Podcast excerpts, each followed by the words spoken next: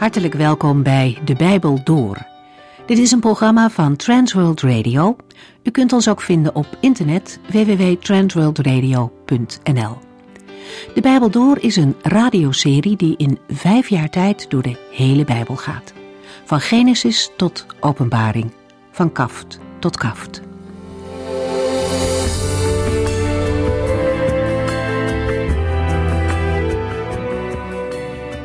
Vandaag kunt u met ons meelezen in het boek Obadja, de kortste profetie uit het Oude Testament. Om de draad op te pakken kijken we nog even terug naar de vorige uitzendingen en daarna gaan we verder bij vers 10. Obadja kreeg een visioen van de Heere God over Edom, een koninkrijk dat deels in het huidige Jordanië lag.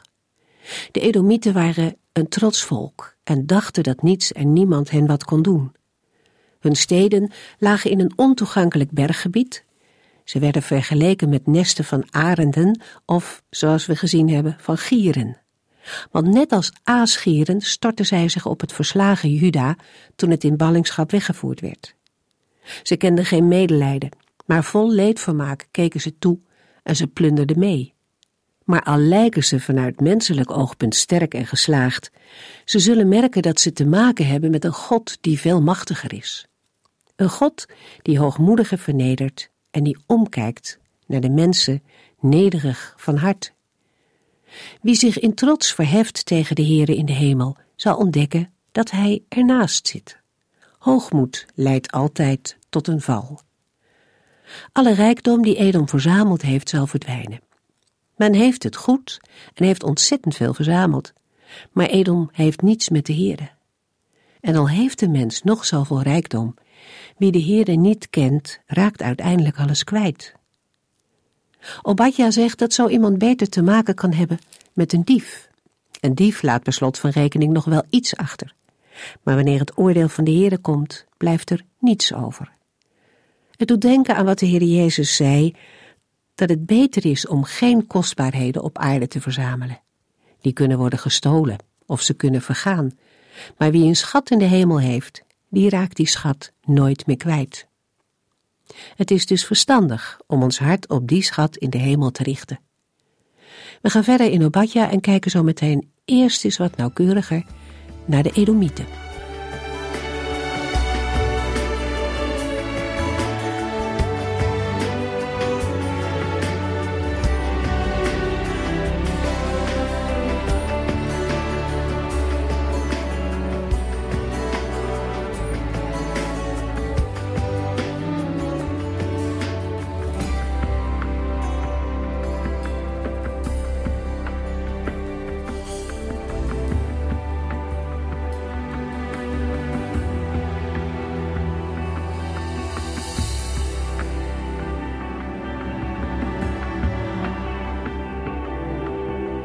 Deze uitzending wil ik nog wat verder ingaan op het ontstaan, de historische achtergrond en de verdere geschiedenis van Edom in de Bijbel.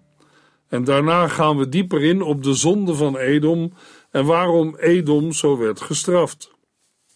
We lazen al in vorige uitzendingen dat het Bijbelboek Genesis laat zien dat er verbanden zijn tussen Israël en Edom. Tegelijkertijd toont de stamboom van Genesis 36 verbindingen met de Canaanieten. Esau trouwde met drie Canaanitische meisjes: Ada, de dochter van de Hethiet Elon, Oholibama, de dochter van Ana en kleindochter van de Giwiet Sibon, en Bazemat, de dochter van Ismaël, dus Esau's nicht, en de zuster van Nebajot. Ook verbond Esau zich met Ismaël en rondtrekkende Arabische woestijnstammen. In Genesis 36 staan ook koningen die over Edom hebben geregeerd, in de periode voordat Israël haar eerste koning had. Ondanks het feit dat Jacob de eerste zegen ontving, spreekt Isaac ook belofte uit over Esau. We lezen in Genesis 27, vers 39 en 40. Toen zei Isaac echter: Je zult geen gemakkelijk leven krijgen. Je zult van je zwaard leven. Een tijd lang zul je je broer dienen, maar als je je best doet, zul je van hem kunnen losmaken en vrij zijn. Vanaf de 14e eeuw voor Christus staan er in de Egyptische literatuur vermeldingen van Seir of Edom. In een topografische lijst komt Edom voor en bij Ramses II wordt het gebied een Hazuland genoemd, een land dat vooral door nomadische groepen is bewoond. Onder farao Merneptah kwamen herders uit Edom naar de zuidoostelijke delta om hun kudde te laten drinken. Dit betekent dat Edom als staat al bestond in de 13e eeuw voor Christus. Het land was blijkbaar zo belangrijk dat Ramses III er oorlog tegen voerde. In vorige uitzendingen lazen we ook dat het Oude Testament vaak verwijst naar de broederband tussen de Israëlieten en de Edomieten. Het is zelfs mogelijk dat iemand uit de derde generatie toegelaten wordt in de gemeente van de Here. We lezen in Deuteronomium 23, vers 7 en 8: Maar kijk niet neer op de Edomieten en de Egyptenaren. De Edomieten zijn immers uw broeders, en u hebt lange tijd onder de Egyptenaren geleefd. De achterkleinkinderen van de Egyptenaren en Edomieten die bij u wonen, mogen het heiligdom van de Heere wel betreden. Wanneer hun familie vreemde goden heeft afgezworen, mogen ze als ingeburgerde Israëlieten deelnemen aan de officiële vergaderingen. Dit voorrecht viel de Kanaanieten niet ten deel. Er bestaan toespelingen op de weigering van de Edomieten om hun broedervolk doorgang te verschaffen tijdens de woestijntocht. Verder lezen we dat Sal en David tegen de Edomieten vochten. Een felle tegenstander van Salomo was de Edomiet Hadad. Van Salomo lezen we in 1 Koningen 9 vers 26. Koning Salomo had een scheepswerf in Esjon-Geber, dicht bij Elat aan de Rode Zee in het land Edom. Daar bouwde hij een echte vloot op. Na de verdeling van het koninkrijk Israël in het tweestammenrijk Juda en het tienstammenrijk Israël waren er zowel conflicten als blijvende relaties tussen Israël, Juda en Edom. Volgens 1 Koningen 22 vers 48 was Edom in de tijd van Josafat een vazal van Juda en werd het volk geregeerd door een stadhouder. In 2 Koningen 3 wordt meegedeeld dat er een koning in Edom was die de status van vazal had. Onder Jozefats opvolger Joram kwam Edom in opstand tegen Juda. Maar dit betekende niet dat de vijandigheden tussen de Edomieten en Judeërs beëindigd waren. In Assyrische teksten uit de 8e en 7e eeuw wordt Edom genoemd als tribuutplichtig. Blijkbaar was Edom, net als Moab en Ammon, vanaf de tweede helft van de 8e eeuw voor Christus een vazal van Assyrië. Dat hoeft ons niet te verbazen, omdat er een belangrijke handelsroute door het gebied liep en vanwege de havenstad Esjon-Geber. We zagen al dat in profetische Bijbelboeken als Amos, Jesaja en Jeremia steeds de vijandigheid van de Edomieten wordt vermeld. Zo beschrijft Amos de woede van Edom en hun gebrek aan medelijden. In het Bijbelboek Amos wordt ook de verwoesting van de steden Teman en Bosra voorspeld. In Jesaja wordt de verwoesting van Edom uitgelegd als een door God uitgevoerde offerhandeling. Verder wordt Edom vermeld in Jesaja 11 vers 14 en Jesaja 63 vers 1. Ook de profeet Jeremia richt zich fel tegen Edom. Het valt op dat rond de ballingschap Edom veel boosheid heeft opgeroepen. Uit Psalm 137, vers 7 blijkt dat dit volk grote vreugde heeft beleefd aan de verwoesting van Jeruzalem. Dat blijkt ook uit het Bijbelboek dat we nu lezen en bespreken. Het Bijbelboek is volledig gericht op Edom. De hoogmoed en trots van Edom worden gehekeld en de vernietiging aangezegd. Ezekiel geeft aan dat Edom verwoest zal worden, van Teman af tot Dedan toe. De profeet Joël verwijt Edom het verspillen van onschuldig bloed op het grondgebied van het tweestammenrijk Juda. ter verdediging van de overtuiging dat de Heere Israël niet heeft verstoten, zegt de profeet Malachi dat hij Jacob heeft liefgehad en Esau gehaat. In Malachi 1 vers 1 tot en met 6 lezen we bij monden van de profeet Malachi richtte de Heere de volgende boodschap tot Israël. Ik heb u innig lief gehad, zegt de Heere. O ja, wanneer dan? is uw antwoord. Ik toonde mijn liefde voor u door te houden van uw voorvader Jacob, antwoordde de Heere. Dat was mijn eigen keus. Ik heb zelfs zijn broer Esau gehaat en Esaus bergen en erfenis verwoest. Ik gaf het aan de jakhals in de woestijn. Al zijn nakomelingen zouden zeggen: Wij willen deze puinhopen weer opbouwen. Dan zou ik, de Heere van de hemelse legers, antwoorden: Probeer het maar. Ik zal het werk weer vernietigen. Want hun land heet land van de wetteloosheid, en hun volk, volk waarop de Heere voor altijd toornig is. Och, Israël, kijk toch eens hoe groot de Heer is en wat hij allemaal doet. Dan zult u zeggen: werkelijk, de macht van de Heere reikt tot ver buiten ons gebied. Een zoon heeft eerbied voor zijn vader en een knecht voor zijn heer. Maar als ik uw vader ben, waar blijft dan de eerbied voor mij? En als ik uw heer ben, waarom is er dan geen ontzag? De uitbreiding van het grondgebied van Edom naar het westen toe moet in die periode na de ballingschap hebben gegolden als een bedreiging voor het Joodse district Jehud. In algemene zin valt op te merken dat Edom in de latere literatuur van het Oude Testament gold als een belangrijke vijand van Israël. Nog later kreeg het grondgebied van Edom de naam Idumea. Onder de Perzen bestond een dergelijk gebied als provincie. In die tijd beheersten de Perzen Syrië en het gebied dat toen Palestina heette. In de Griekse of Hellenistische periode was Idumea een administratief district in het Joodse Hasmonese Rijk.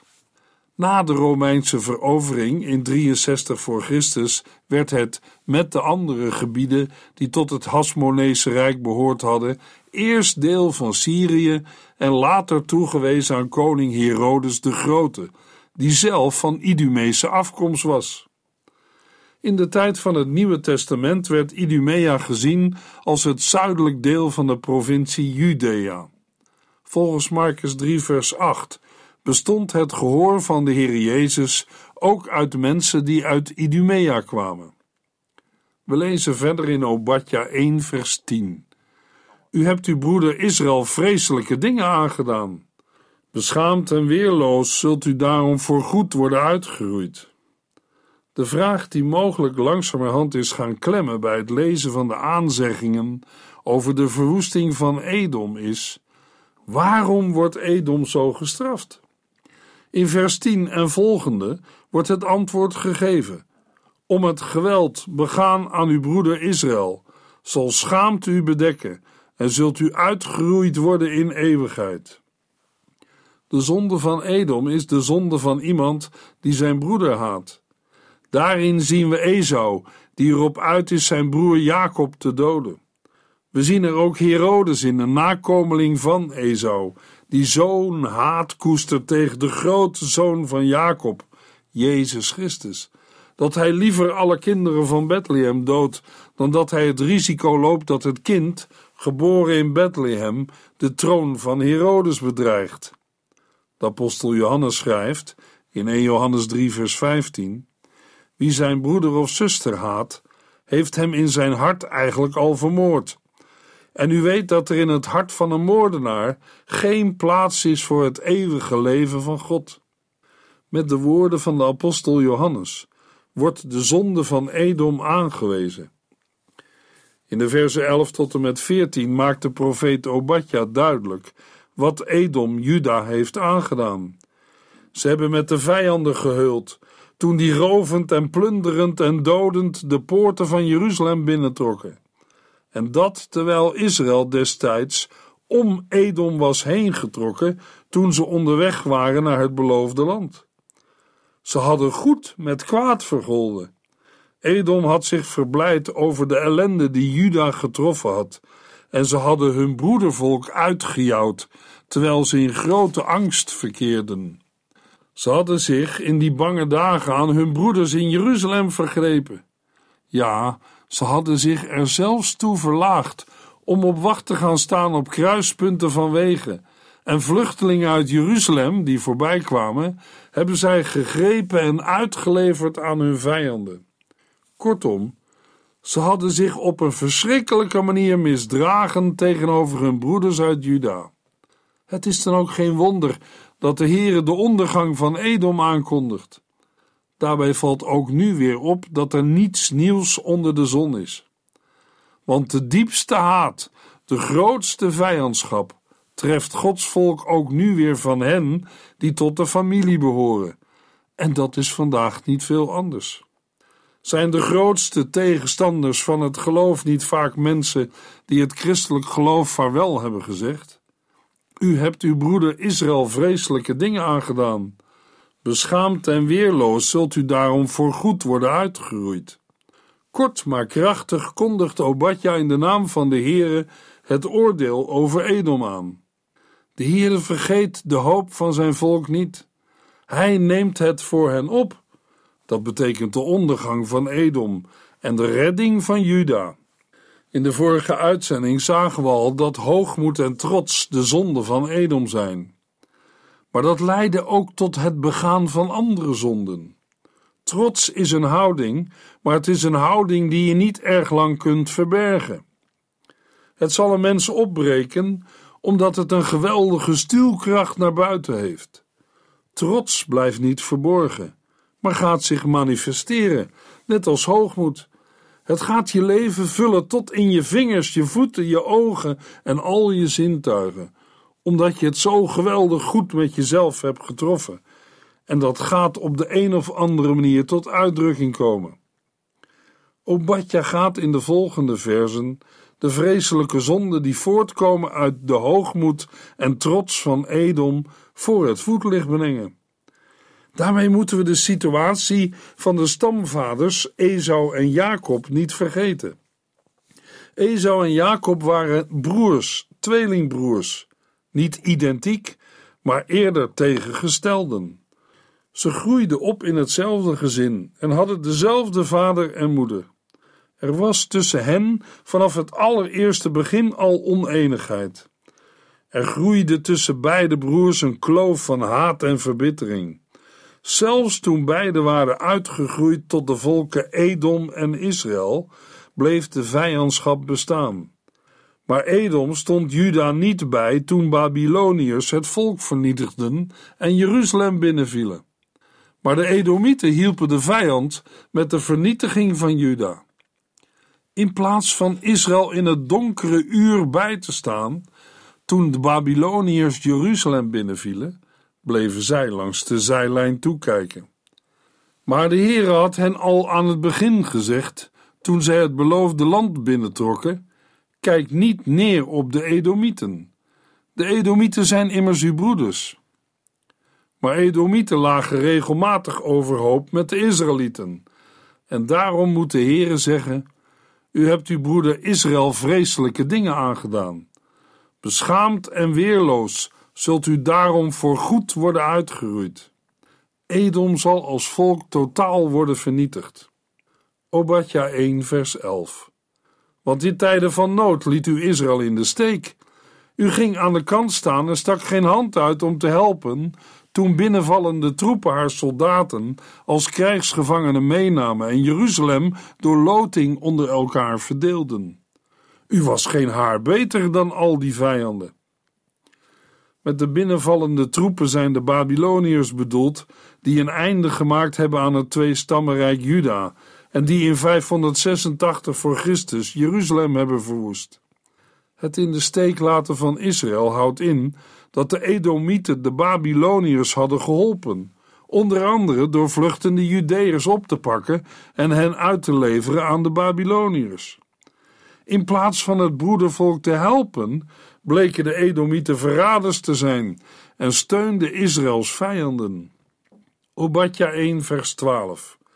Dat had u niet moeten doen. U had geen leedvermaak mogen hebben toen zij uw broeder naar vreemde landen wegvoerden. U had zich niet mogen verheugen over zijn ongeluksdag. U had niet de spot met hem mogen drijven toen hij in nood verkeerde. Edom verheugde zich over de ramp die over Juda was gekomen. Dat is altijd een daad van trots en leedvermaak. Als een mens zich verheugt over de problemen van een ander, dan kun je er zeker van zijn dat je luistert naar een hoogmoedig mens. De Heere heeft een hekel aan trotse mensen. Ze verheffen zich boven anderen en vinden dat ze heel wat zijn of hebben gepresteerd. Maar een gelovige wil zich daar verre van houden.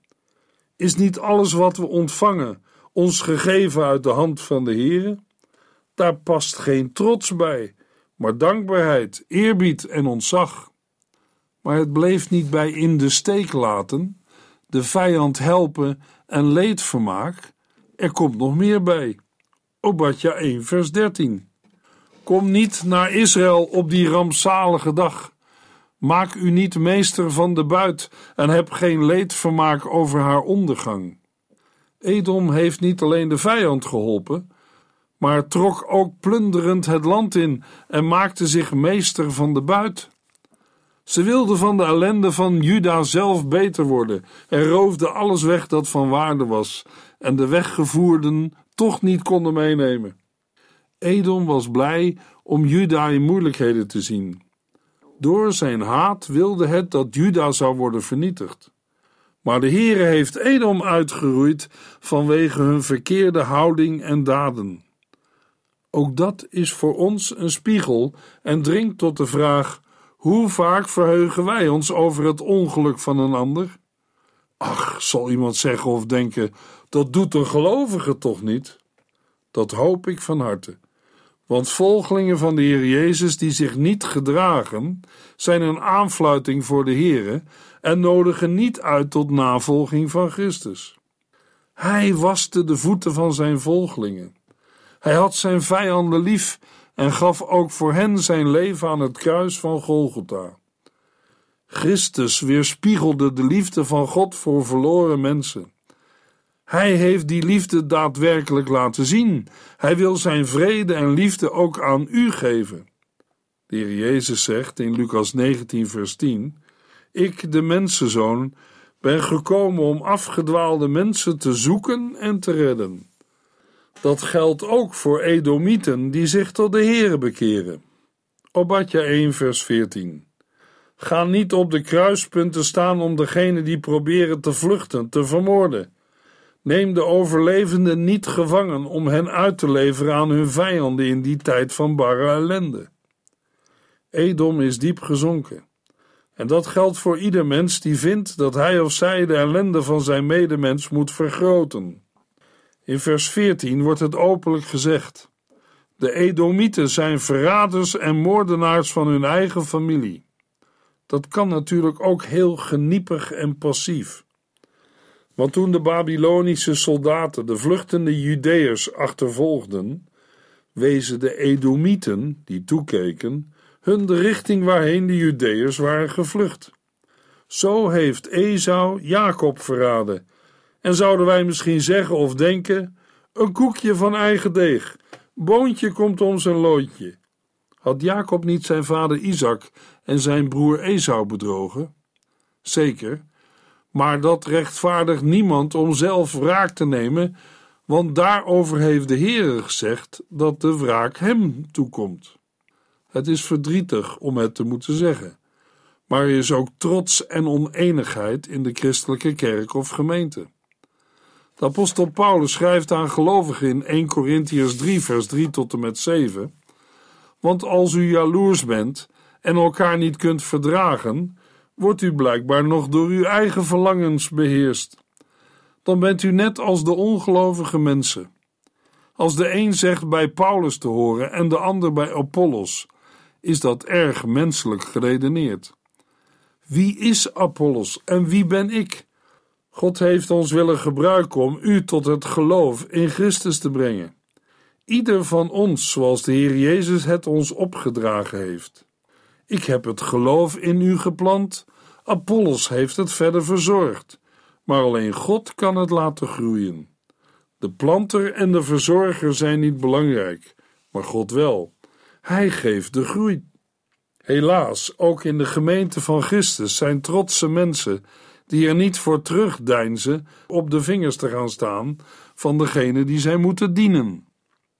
Laten we in de kerk, de gemeente van Christus, bidden voor elkaar en daarbij de woorden van 1 Corinthians 10, vers 12 en 13 niet vergeten, waar Paulus schrijft: Als u denkt dat u nooit zo ver zult gaan, moet u oppassen om niet te zondigen.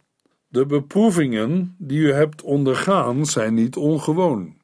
God is trouw. Hij zal ervoor zorgen dat de beproevingen u niet te veel worden. Hij zal ook een uitweg uit de beproevingen geven, zodat u er tegen opgewassen bent. Obadja moet over Edom, het broedervolk van Israël, profeteren en zeggen: Ga niet op de kruispunten staan om degene die proberen te vluchten te vermoorden. Neem de overlevenden niet gevangen om hen uit te leveren aan hun vijanden in die tijd van barre ellende. Toegepast op vandaag. De Heere verwacht niet van broeders en zusters dat ze elkaar in de haren zitten. Hoe het wel moet, lezen we in Filippenzen 2, vers 1 tot en met 3.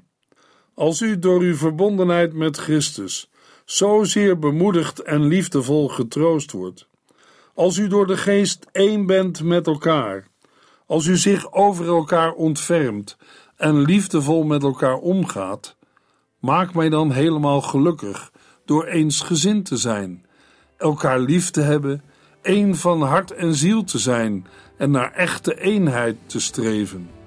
Wees niet egoïstisch en probeer niet de eer naar u toe te trekken, maar wees nederig en sla een ander hoger aan dan uzelf. Denk niet alleen aan uw eigen belang, maar ook aan dat van anderen. Blijf erop toezien dat uw innerlijke houding moet zijn zoals die van Christus Jezus. Ja, luisteraars, laten ook wij dat doen.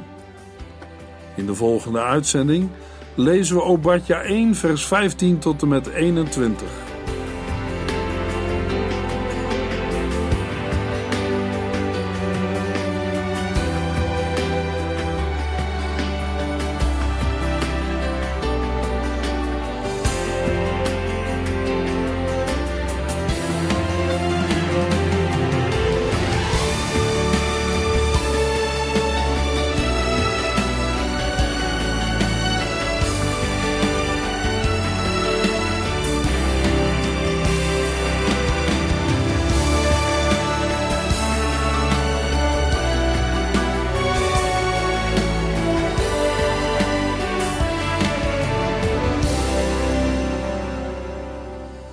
Eindigt deze aflevering van De Bijbel Door.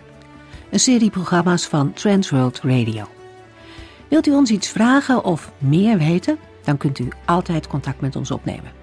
Bellen kan overdag met 0342 478432. Per post Transworld Radio. Postbus 371. Postcode 3770. Anton Johannes in Barneveld. En e-mailen kan ook. De Bijbel door at transworldradio.nl En natuurlijk ook via onze website transworldradio.nl Dit programma werd gepresenteerd door Cor Weda en Ike André. En namens iedereen die er nog meer aan meegewerkt heeft, graag tot de volgende keer.